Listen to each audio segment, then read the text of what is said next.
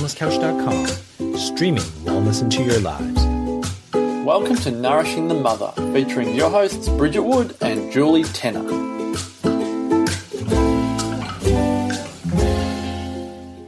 Hello and welcome to Nourishing the Mother. I'm Bridget Wood. And I'm Julie Tenner.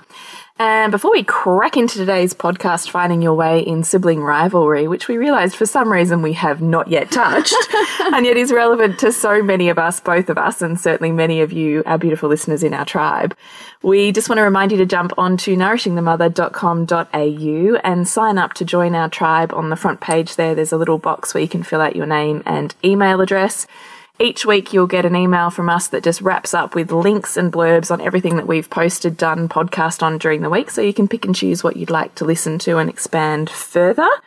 And then occasionally, we send you another email where we've had an epiphany, an insight, uh, you know, quiet conversation between ourselves that we'd like to share because mm. there's wisdom resonating with it, and just to kind of dive a little bit deeper with you. So if you'd really like to do that with us, please join up to join our tribe on nourishingthemother.com.au. Mm.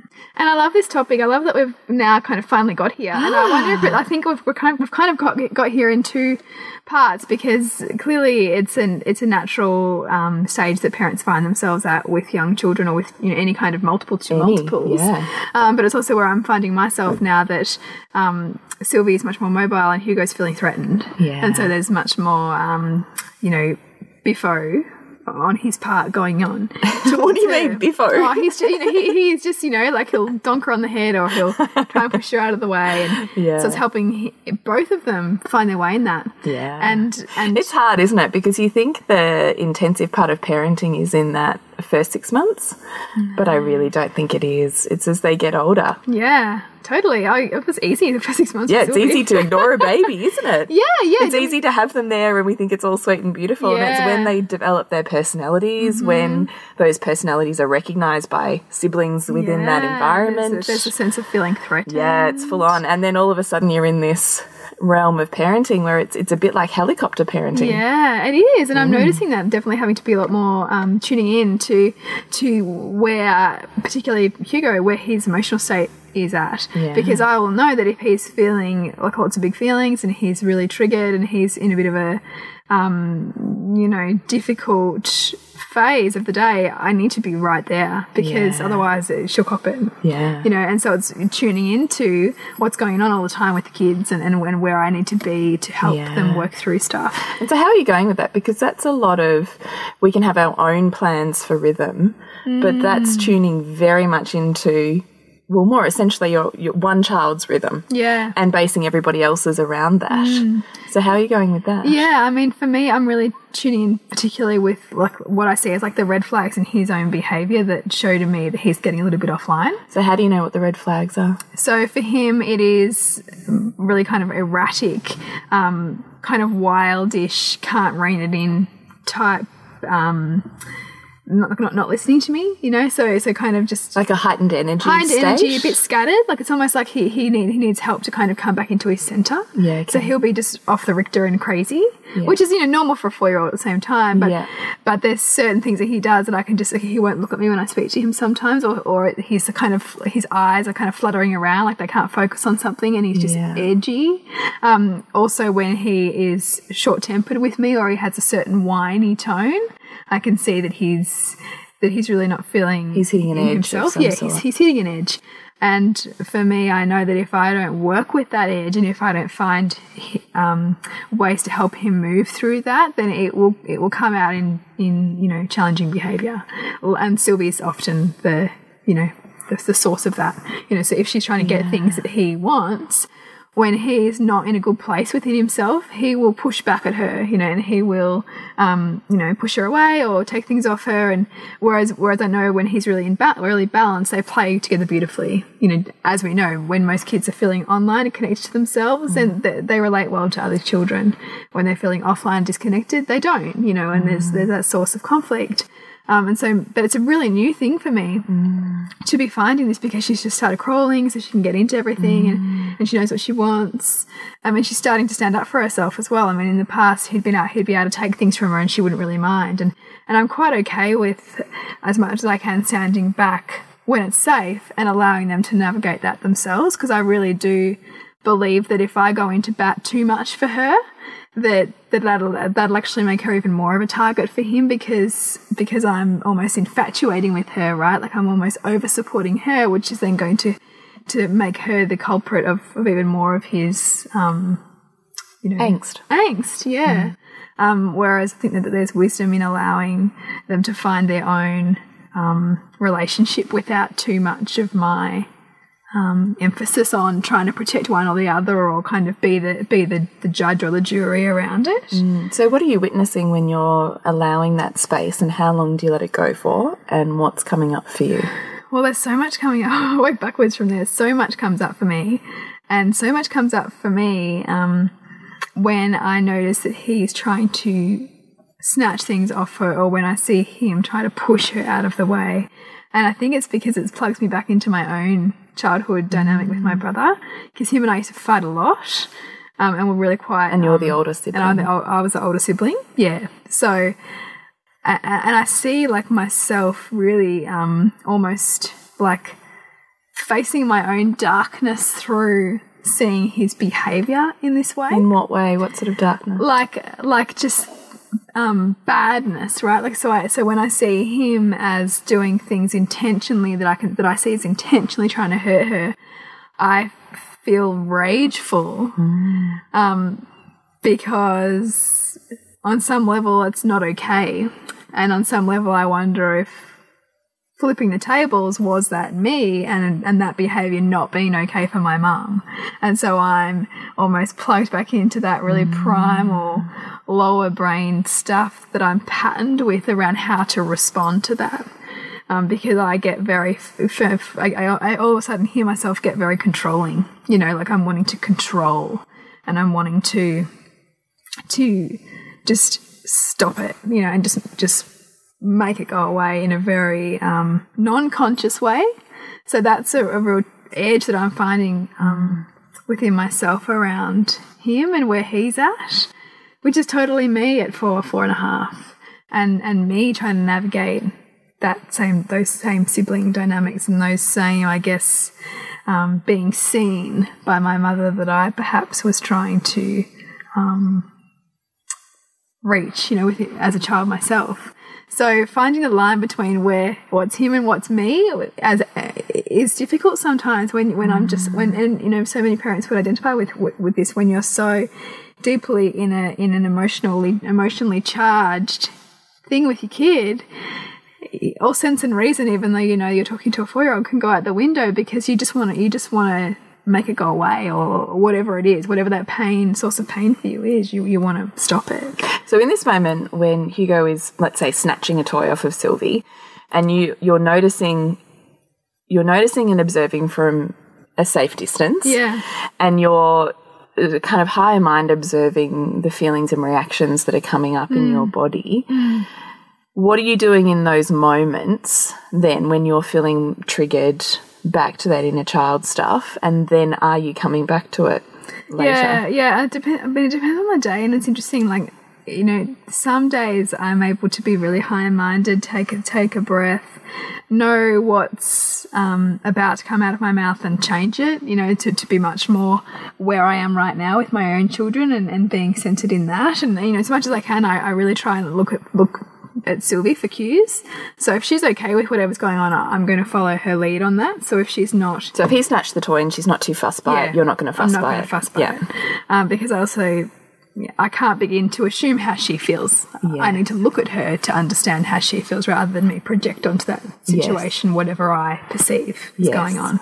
So that's kind of my So what's the not okay bit for you? the not okay bit for me is is the is the pushing or the pulling of her when you know when she's clearly unhappy like even tonight in the bath like you know he he there was a point at which she wasn't happy anymore and she was he was holding her and grabbing her and she she wasn't she wasn't liking it and and there's I gave him enough warnings and he still didn't listen, you know, and that was the point at which I just got so angry and I wanted to rescue her. I wanted to save her from that. I mm. wanted to make him wrong and bad and away from her to to get her to a safe place, which I also think is that mother bear instinct coming out as mm. well. But but there's no doubt about that that that, that being um, very But particularly body autonomy is is very big for you. It is. It really Yeah. is, and and and people feeling heard is really big for me. And when when he, he continually went past the point of of not listening to her, that was when I was, really triggering not some okay. big stuff for you. Yeah. So what did you do? I had to take her. I took her out, and I said, "Look, I'm going to come back and talk to you in a minute." And so I took her out. So what were you doing with your big feelings in those moments? breathing. and being, Because this is what I wanna also, talk but about, also being angry, right? But also being angry in that, and and also sitting with how I felt about being really angry and making my son wrong, because I really have been sitting with. Um, this whole conscious parenting thing and this whole aware parenting thing and and but at the same time overlaying the fact that the border of support and challenges were where we all most grow and that loving our children means sometimes being really damn firm with them you know when mm. our boundaries are overstepped mm. and i really feel okay with that when i give language and voice and reason to it in a way that helps my child see it as something constructive mm. you know where i can make it about me and about um, what's not okay for me as opposed to them being inherently bad or wrong and that's really kind That's of a really way that i Good come at it. definition. Yeah. Yeah. But, I, you know, I had to come back and talk to him about that. And the, the next thing that's pissing me off is when I try and reprimand him and, you know, have these hard conversations with him, he won't look at me. Mm. You know, which is because it feels too, it's hard. It's hard to be mm. told off. Mm. And I really get that. But it pisses me off that he won't mm. look at me, that he won't engage, and that he'll try to do everything he can um, to avoid the conversation. What sort of um, things does he do to avoid the conversation? keep trying to play or like go and fuss over here or if, if he's not because I mean tonight he was in the bus so he couldn't really go anywhere um, but you know just earlier on tonight it was you know just trying to play with other toys or um, do anything he could to kind of squirm away yeah. and I don't like that lack of ownership Yeah. No, I know. I really struggle with it too because my oldest and youngest do that as well. yeah it's Yeah. hard It's big. It's a big journey. yeah um, so I don't have the answers for that yet. Really, I'm really working through that one. I just want to bring it back though to a toolkit because uh, you know our listeners, we know so many of our tribe get in these situations, which we all do, where we, we're triggered. Yeah. But we've also, we'd, so we're dealing in the same moment with our little children plus our own little inner child. And so I just want to bring it back to a toolkit there just briefly. I mean, I know we do a lot of it in line parenting and so on and so forth, but just for the sake of our listener here listening to this going, this same thing's happening in my house and it makes me go, mm. "Rah!" Mm. what can I do to, to bring more consciousness? Yeah, I think I think the thing I've been trying to notice within myself is like what am I what kind of outcome am I seeking from the conversations I'm trying to have around this stuff with him too? Like am I seeking for him to admit that he was wrong or bad? Am I seeking for him to somehow make amends? And and like the part of me that's very you know, eye for an eye wants that, you know, like that part of me that, you know, or- or kind of wants to say, well, you know, you deserved it, blah, blah, blah, like that, that yeah. almost very unconscious, you know, 1980s parenting style Yeah. comes out to play sometimes like that. But, but no, I think it, I really want it to be, uh, you know, stacking of conversations, stacking of, of, um, you know, opportunity to display what's okay and what's not okay for me and not always accept that he's going to hear that Yeah. but also be okay with the fact that he's not always going to hear it because Yeah. he's four Yeah. and I'm sure even when he's eight, there's going to be things that he is able to hear and not able to hear. Um, but that's, you know, that is also respecting that he's his own whole person too. And we're both bringing to the relationship our own stuff to each help each other work through it. And I guess I'm no more right um, than perhaps he is, even though. You know, I want to be the right one. You know, we as parents want want to be right, really. So in the moment, so that's the conversation you're having with um, your child after the event. Yeah. What are you doing with yourself in the moment? So you said before you're breathing, Trying to breathe, yeah. Um, in the moment, consciously breathing. How? Dep- but it depends. I mean, sometimes in the moment, I'm not even doing anything. I'm just reacting, right? Because if it's a big enough trigger, you can't do anything but react. And you can read all the conscious parenting books you want. And Until if you've got an emotional charge there, and if it's a big one, you cannot do anything but react. And that will be where I will tell him how I'm feeling really angry and it's not okay what I just did and I need to walk away and calm myself down before work. I come back and have a conversation That's a toolkit. is though. usually what I do. Um, I'm, I'm, I've never um, said you're so blah blah blah or I can't believe you did blah blah blah. Like, I, I really try to avoid making um, directives or label. Really don't want to label him. Really don't want to um, call him naughty or anything like that. It's more about the behavior. Really trying to isolate the behavior. Um, and and and work at it from that angle as opposed to trying to um, color him in any way as a person is the way that I try to approach it. Um, but yeah, it's one of those things. I think sometimes you get it perfect, and other times you just you keep hitting that same thing until you break until you figure out what it is and you break through that. That's hashtag parenting.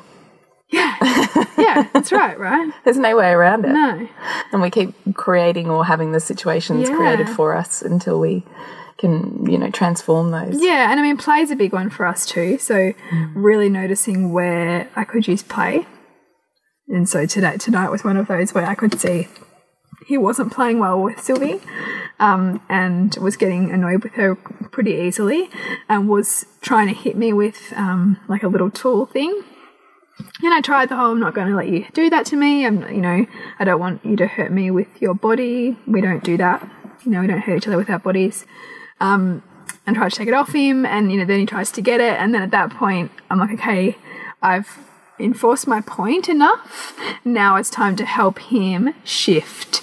And so then we played like 10 minutes of dinosaurs where I was like, the T, the tran, the what was I? Triceratops, Oh, and he was. T Rex, you know. And so we were going, you know, kind of playing horns and you know little claws and stuff at each other for 10 minutes which really helped to shift both of us really because i was in that icky place too but um And so, what are you doing with Sylvie? So, Sylvie's nearly one. Yeah. So, helping her um, in these sibling situations. What are you doing with her? with her um when it's happening when she is hurt or she is frustrated first going to her so as much as i can rather than yelling at Hugo or, or getting frustrated with him or, or making it about him, I'm first of all addressing her hurt or her discomfort before I then address what happened Yeah. to help her give um, voice to herself. So, how are you doing that?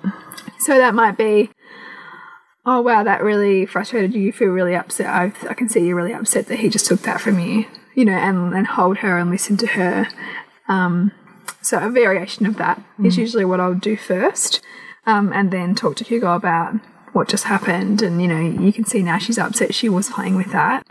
And you know, can you find something else for her to play with, or can you give that back to her for a little while, and then when she's finished, she can give it to you, that kind of thing And how do those negotiations go generally? pretty good. Yeah, and I mean, up until now, like I really haven't had, you know, really any major issues. Like there's been a lot of fluidity between their relationship, and he is, um, like I think I've commented before, almost sometimes over the top loving to her.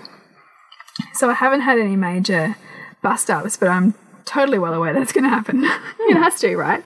And, and they both need that. Like I can really see the benefit to a um, you know, you to a relationship of having that as, as siblings. We, you know, we all would have stories of that growing up, and it builds resilience and it helps, you know, build communication skills and all of those things. But I totally see as a parent how much incredible value we can bring when we help our children communicate. And when we help our children learn boundaries. Because I think if our children can learn boundaries for themselves through their sibling relationships, I mean, that can set them up for life in terms of the, the boundaries that they set with those around them in Absolutely. relationships And how they the handle world. themselves. Yeah, so I take really seriously my role in helping to equip both of them with those skills. Yeah. But doesn't mean it's not freaking brutal sometimes when I am plugged right back Yeah. into my own stuff because you know our parents would never would never have No. given any thought to how to help out us communicate or how to help us feel heard or how to help us, you know, develop our own body autonomy or anything like that. Um, they're all things that we're doing as, a, I guess, in some ways, like Breaking a mold. breaking, yeah, breaking a mold, um, which is empowering but also um, painful Yeah, sometimes. challenging. Yeah. It definitely is. And I, mean, I know in your case with having much older um, kids and having faced these dynamics, which would be interesting because your kids are much so much closer in age, the older two. Yeah, they are. That would have, I, I imagine, brought up from the get go um, the need for a toolkit. What does it look like for you as they've grown? Look, I really resonate with what you're saying. I think it's the same. I think that um, my oldest two are only 18 months apart. So, you know, I think I've said before or joked about the first six months is, you know, kind of bliss in a way for me because mm. it's like the baby doesn't kind of exist. I mean, I know Yeah, they yeah. exist, but largely, you know, the house doesn't really function around them. It functions around the older child. Yeah. And they're not in anybody's way. And they're not snatching toys, and they're not talking Yeah. back, and they're not crying at the other. You know, like they're not doing anything Yeah. that creates enough um, friction Yeah. for you to have to really deal with stuff. Um, and I never had crawlers. So, you know, I didn't have that particular dynamic, but both my older two were walking by one. So by the time Jade was Sylvie's age, she was walking. Yeah. Yeah. So I guess I didn't have that earlier part of, of crawling and reaching toys. We always took things to her. So again, bypass that. But then, you know, you get to one and she's walking anyway. Yeah. Um, and it was pretty much the same as what you're talking about, and pretty much, you know, handled it a similar sort of way. Um, I don't think I should have any more light. I guess I, I just, I still really sit with, I mean, and you and I were briefly talking about it beforehand, that in any bully victim dynamic, the interesting factor is that both victim and bully are feeling exactly the same emotion. Mm-hmm. Mm-hmm. It's simply that one is an outward expression out towards someone with the pain, mm. and one is an inward expression inwardly with the pain. Mm-hmm. And so it's a really interesting when you look at the dynamic of there is no right or wrong because they're both feeling exactly the same thing. Mm. They're just different expressions. Yeah. And they require then different toolkits mm. because one requires a toolkit on how to handle the pain and stop projecting it outwards, how to mm. bring it inwards. Yeah. Yeah. And the other one needs to understand how to find a voice and strength and place and bring it outwards. Yeah. So it doesn't need, then therefore need to be overpowered. Yeah. So I always find that really interesting, and- and just even observing in those moments, whatever I'm whoever I'm choosing to side with, emotionally, we always kind of pick a side, don't we? Depending on what our wound is, yeah. is to recognise that exact same feeling is happening in that other child, mm. exact same feeling, mm. and so it's just looking at the different forms of the same, mm. different expressions of the same emotion, and then as soon as I can get to a place of going ah, you know, it kind of eliminates for me the good, bad, right, wrong, needing to pick a side thing. And I can then look at, okay, what's the toolkit that's needed here? Because any dynamic is only coming up because both parties need a toolkit. One needs a strengthening one and one needs another version of strengthening, but it's different muscles. There's um a good one that you a good kind of um step by step process that you've shared with our tribe before. The sentences? The sentences. You know, I mean, Yeah. obviously that doesn't apply with babies. No, yeah. But but for the children when they're a bit older, what does that look like? Um, so I call, we call them I statements. I mean, I statements are around everywhere. There's certainly a number of places you could find them. But it was around how do I, because particularly with my oldest, he can do that whole shutdown and avoidance thing. Mm. So he never really wants to own his part in any situation. And so kind of largely sprung out of, of that was how to, and because he's so methodical, because he's very, very masculine and he doesn't slip into, I really don't know wholeheartedly if the masculine is able to um, intimately know empathy. I think it's very much a learned and developed skill slash muscle for the masculine. My experience is that in the feminine, the girls kind of auto, it's like an autopilot response. Girls are already, I mean, you see them in three year old kinder, they're already dissecting a situation of play around who's friends, who's not friends, how am I feeling, how are they feeling. Like they're already doing that. yeah. Boys are not doing that at all. Mm. Like at all. They're not even remotely on their wavelength. And in school, the more access I've had to seeing boys develop, the more I see that as women, we're like, you know, running on a thousand different levels. And it's really point blank with them. Mm, mm. And, I, and I love the, the simplicity. Like, don't get me wrong, I'm not saying one's right and one's Yeah, wrong. yeah. But it completely changes the way I approach them. Mm. Just having that really deep understanding. So, because empathy was very important to me, and not so important to my son, um, we developed like a strategy system, and it was like step one, two, three, four.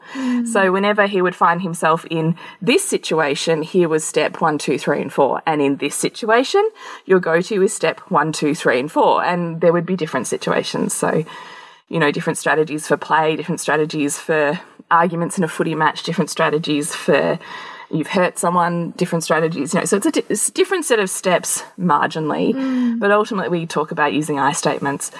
So no one makes you feel anything, you feel something. Yeah. So if you're not happy, take that back in, you know, instead of the outward expression making it someone else's fault and problem. Mm. When you insert action, I feel. Mm. And so that automatically has to make his brain kind of go offline a bit, mm. enough for him to connect to his heart. Mm. What is it that I'm feeling? And put a name to it. Mm. And we had to talk about feelings and emotions lots. Like, this is all part of growing up. Like you're saying when you're a baby, going, You feel really frustrated right now. I can see that you're really hurt. Is putting these small steps of, that's what this feels like, and here's the word for it. Yeah. It expands their toolkit mm. to then the next step from there is to know what to do with that emotion mm. and how to move through it. Yeah. So it doesn't become stagnant in the body. Mm. So when you've already got those building blocks, and I'm then saying to him, your strategy is when you, I feel, insert, you know, insert, insert, and I would like you to. So that you're already providing that person with the understanding of what the exact behavior issue is, not, you know, these whiny Jade. Like this, go, it tells her nothing. Yeah. Like it tells him, her, you know, and you hear it in playgrounds all of the time. They Yeah. just whine a name, and I'm going, that tells them literally nothing. And it just grates you too. Like- that, that tone. man. Nothing. So, you know, you need to be really specific. They may not even be remotely aware of the effect that their behavior is having on you. Mm. And you have an opportunity to let them know what they're doing, what effect it's having on you, and how you are feeling about it, mm-hmm. and your desired outcome. Now, that person's going to choose to do it or not do it. Mm. And either way, then, here's step, you know, one and two, depending on Yeah, it's like a, what do you call those charts that kind of, you know, come down. So we call them I statements. When you, I feel, and I would like you to. Then the response for this is obviously for older kids. The response statement is always a paraphrase mm. so that they know that that person's been heard because you only hear kids on a broken record saying the same thing over and over and over or needing to repeat it when they haven't felt heard. Yeah. Yeah. So you need to be really clear. I've heard what you said. Mm. So the paraphrasing statement is an I understand statement. Mm. So person B says, I understand that when I, you feel, and you'd like me to. Mm. So they're literally just, and they have to say it back. and I literally, if one of them has ever come to me, I'm like, have you said an I statement? Have you said an I understand statement? Then go away. I don't want to hear about it from you mm. until you've said those things. Mm.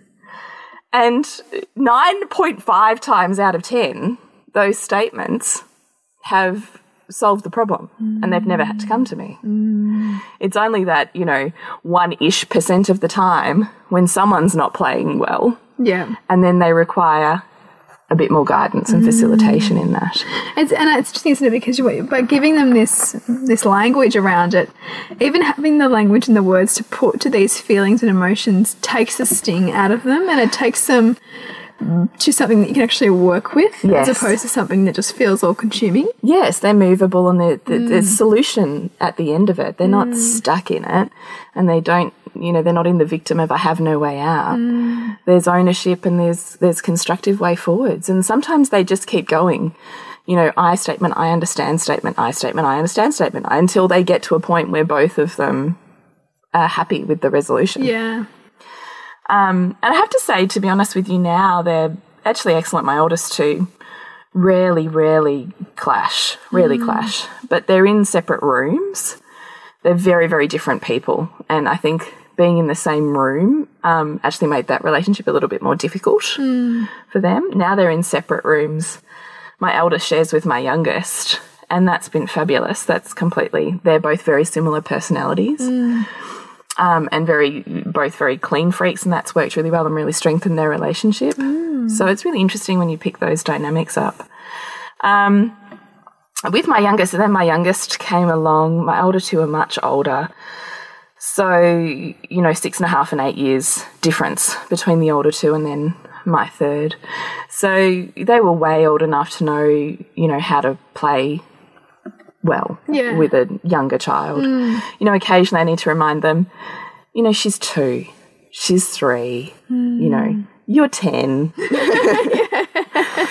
you know, sometimes we still do some of that. Yeah. Um, and sometimes I can tell when my older two are, have got some bigger feelings because they'll kind of pick on her. They'll just mm. and pick on her is not the right word. They will, yeah, I guess it is. They'll kind Like- of like- pick like at a scab, yeah. and they just keep going and go. And particularly my son, he like just flicks little bits, little bits, little bits, mm. little bits, little bits, and then she explodes, and he obviously then gets something out of it. So for me, it's picking up on the little bits, and like you were saying, watching for that, picking an intercepting moment, making eye contact and physical contact with him. So I'll touch his mm. arms, look at him in the eyes. What's going on for you right now? Because you're really annoying your sister, mm. and just getting what's going on for him. Mm. Um, so yeah, I mean, I guess I just really sit in the camp of doing exactly what you were doing, and when they get older, just adding more language layers to it. Uh, I am really strict on physical um, sibling stuff. I do really sit quite hardcore in that camp in terms of I think everyone has a right to be safe and feel safe in their bodies, and that it is therefore our responsibility to step in. And it's look very much of, aligned with the RIE approach and aware parenting approach. Both of them still come from the same version of um, everyone has a right to be safe. And so it's intercepting before the hit, before the slap, before the bite, before the, and being really firm. I won't let you do that. Holding them sometimes, you know. So there is an element of if you're in that kind of danger period, so to speak, or that um, soup where you can see it's brewing, or you know those moments where they're more likely to behave like Yeah, that. yeah. You have to be next to them. Yeah. Absolutely. And you have to be there ready to, you know, grab that hand before it's made contact mm. with hitting on it. I'm not going to let you hit her. Mm. We don't use our bodies to hurt people. And then, you know, da da da da da. I think the thing with that is you've got to be willing because the, the point of those behaviors is that they're still there because there's underlying feelings. Mm. So you've got to be willing not just to stop it, but stopping it in the form of like a loving limit, knowing that you're waiting to sit with the rage or the tears that come out. Mm. When we want to run from the rage or the tears, that behavior is going to stay. Yeah, it just keeps going. Yeah. Just, get into, they- they'll just find another way to make it Just, out. just keeps going. Mm. And it doesn't matter what it is throwing things, hitting, slapping, biting, pinching, mm. you know, it doesn't matter what it is. If we're not actually holding a safe enough space to say, I won't let you do that, and there's mm. safety in those boundaries, but I will listen to the rage that you've got underlying that mm. behavior, then they're going to keep doing it. Mm. And we find ourselves in these patterns. So then it's often coming back to where do I feel really deeply uncomfortable with my own anger?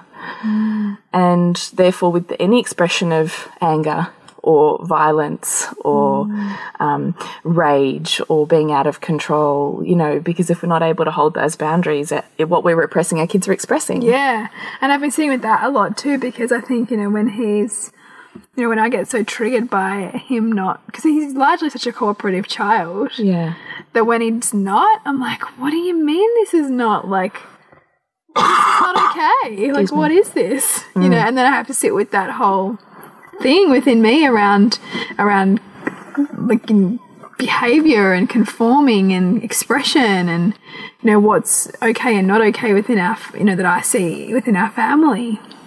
Brings up a whole host of stuff. Mm-hmm. And then there's like the layers of you know mainstream views of children coming into it around you should just behave kind of external belief systems that come in as well.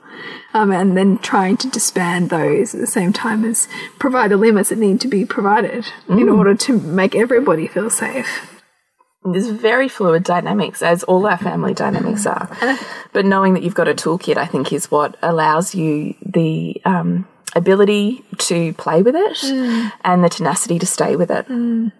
And that's certainly what you and I are, hopefully, with all this waffling, trying to advocate here is that we recognise that sibling rivalry is difficult because it calls us into an, a heightened level of parenting for a mm. period of time. Yeah. and therefore we might feel like we have less space or less spaciousness. Mm. We might be hit with more of our inner child triggers, mm. but that there's toolkits to deal with those and with ourselves in those moments and then after those moments. And that we also have a stacking toolkit from infancy through to, you know, teenagehood that just keeps building one on top of the other on how we mm. teach our children to connect head and heart mm. and how to express that to those around them. Mm. That's really what I hope our listeners are getting out of this podcast. Yeah, me too. And I mean, it's such a i love, I mean, like parenting just can provide such an incredible amount of personal challenge and growth and Yeah. so much incredible wisdom when you're really able to start to look at the dynamics that are playing out with your kids and, and, and asking yourself what you can bring to those to help not only equip them and empower them, but also transform your own story because so much of what's playing out for them is our own story Yeah. um, calling us into it to to look more deeply and, and, and change it if we want to, which I love. Yeah. And I mean, really I mean, our, our aligned parenting course looks more deeply into that. yeah. Actually, speaking of which, we have that coming up in October. We do, yes. So feel free to jump on and have a look on nourishingthemother.com.au forward slash online programs, and it'll be under aligned parenting there.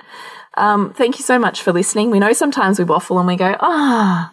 I don't know. Hope that resonates with Yeah, someone. yeah, yeah, so yeah. if it really has, please let us know. Yes. Please, you know, write to us and share the love or connect in some way because we really enjoy We really do. we really enjoy just connecting with other women on this conscious journey, on this parenting gig that, you know, sometimes has us pulling our hair out. And, Yeah. you know, it's lovely to feel like you're not alone, isn't it? It's so true. And we also, of course, love the emails with the suggestions too. yeah, for podcast You know, topics. Yeah, topics that you want us to explore. We've done a few of those recently, and and it's really great to um to be able to kind of go where our tribe's seeking to take us, which is awesome. Absolutely is.